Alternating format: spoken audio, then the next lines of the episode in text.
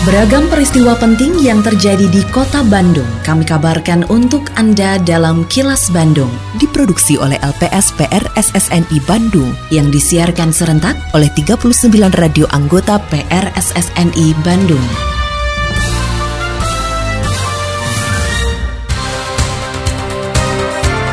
Sejumlah informasi aktual kami hadirkan untuk Anda dan inilah informasi utamanya. Gubernur minta viralkan kasus PPDB. BP2MI ajak perangi sindikat penempatan PMI ilegal. Polisi tangkap ibu rumah tangga pengedar narkoba di Bandung. Saya, Santika Sari Sumantri, inilah kilas Bandung selengkapnya. Gubernur Jawa Barat Ridwan Kamil menyoroti praktik pungli dan jual beli kursi pada penerimaan peserta didik baru atau PPDB. Oleh karena itu, ia tidak ingin menemukan kembali berbagai praktik penyimpangan pada PPDB tahun ini. Ridwan Kamil mengatakan salah satu langkah antisipasi yang dilakukan pemerintah Provinsi Jawa Barat adalah dengan mengubah sistem PPDB konvensional ke digital secara penuh. Selain itu, Ridwan Kamil meminta masyarakat untuk mengawasi bahkan memviralkan jika menemukan praktik jual beli kursi saat PPDB. Ada akhlak yang dirusak dengan suap menyuap, nitip-nitip ke LSM Ormas, nitip-nitip ke anggota Dewan. Nggak boleh, itu titik awal masalah. Pak, sekarang kalau Bapak tertekan, udah gampang ini mah, viralkan weh. Nah, hidup sekarang mah nggak bisa Pak, udah transparan Pak, netizen itu.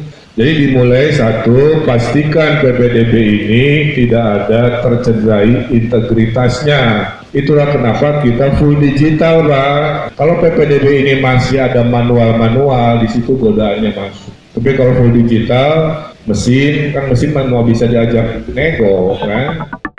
Penggunaan aplikasi Sapa Warga dalam pelaksanaan penerimaan peserta didik baru atau PPDB Jawa Barat tahun 2023 sebagai bentuk inovasi dan digitalisasi yang sejalan dengan upaya mewujudkan Jawa Barat sebagai provinsi digital. Kepala Dinas Komunikasi dan Informatika Provinsi Jawa Barat, Ika Mardiah, mengatakan aplikasi Sapa Warga dengan berbagai fiturnya semakin memudahkan penggunanya dalam proses PPDB. Ika menegaskan data PPDB pada aplikasi Sapa Warga akan sama seperti situs resmi PPDB Dinas Pendidikan Provinsi Jawa Barat karena pembaruan dilakukan secara real-time dan terintegrasi sudah siap ya dari sisi uh, aplikasi Sapa Warga antara website PPDB Disdik dan Sapa Warga. Dan ini saling terintegrasi dan sinkronisasi gitu ya. Satu akun itu bisa digunakan di kedua di website maupun di Sapa Warga. Pengaduan PPDB ini juga satu pintu gitu ya dan uh, hotline 24 jam dilayani. Uh, kami sudah siapkan ya backup ya baik di data center Jabar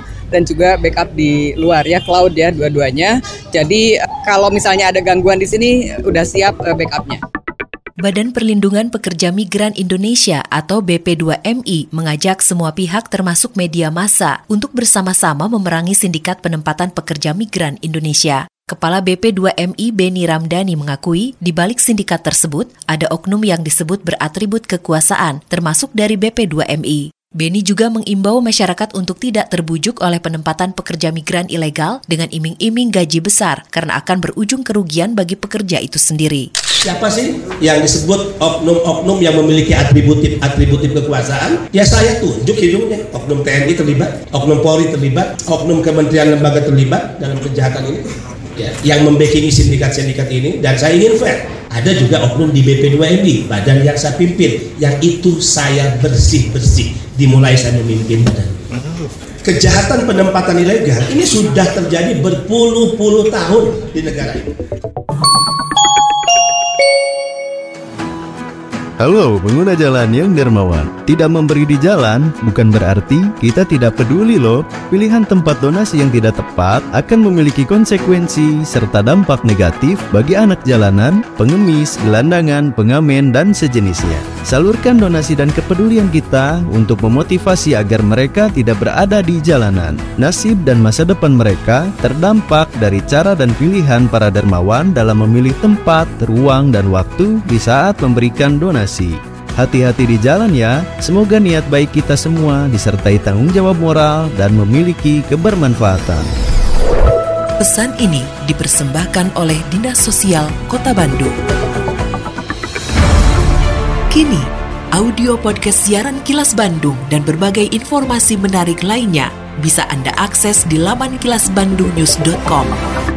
Belasan pengedar narkoba berhasil ditangkap oleh jajaran Satuan Reserse Narkoba Polrestabes Bandung. Dari belasan tersangka tersebut, satu di antaranya merupakan seorang ibu rumah tangga. Kapolres Tabes Bandung Komisaris Besar Polisi Budi Sartono mengatakan 11 kasus yang ditangani terdiri dari 9 kasus narkotika jenis sabu dan 2 kasus ganja. Menurutnya modus para tersangka dalam mengedarkan narkoba beragam, mulai dengan cara sistem tempel, menjual secara daring, dan ada juga yang melakukan tatap muka.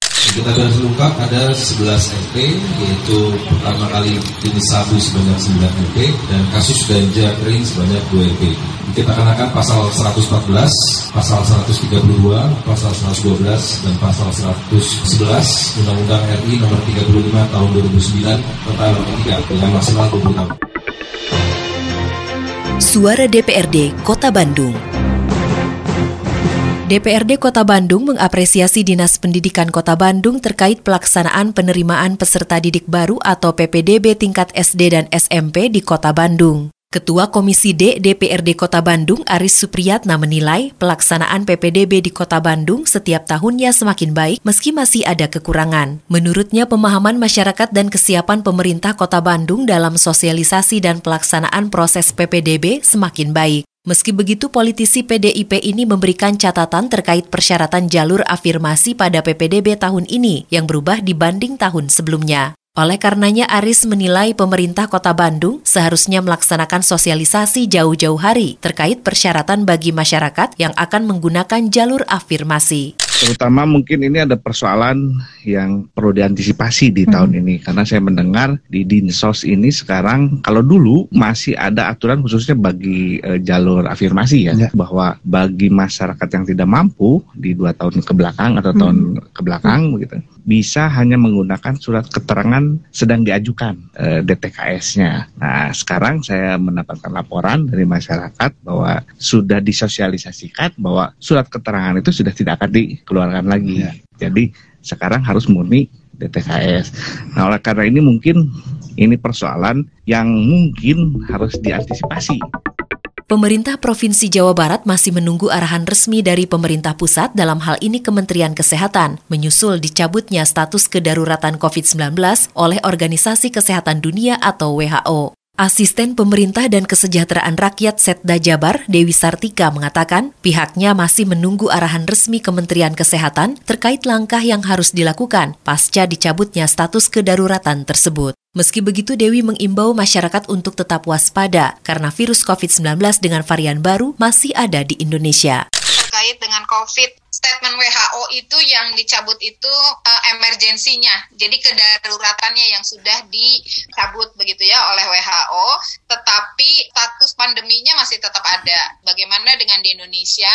Jadi Indonesia juga masih menunggu keputusan dari uh, Kementerian Kesehatan sambil juga menyiapkan masa transisi untuk jangka panjang saya rasa mungkin Pak Gubernur juga akan menunggu keputusan dari Menteri Kesehatan karena aturan daripada pandemi itu tidak bisa oleh provinsi, jadi oleh pusat.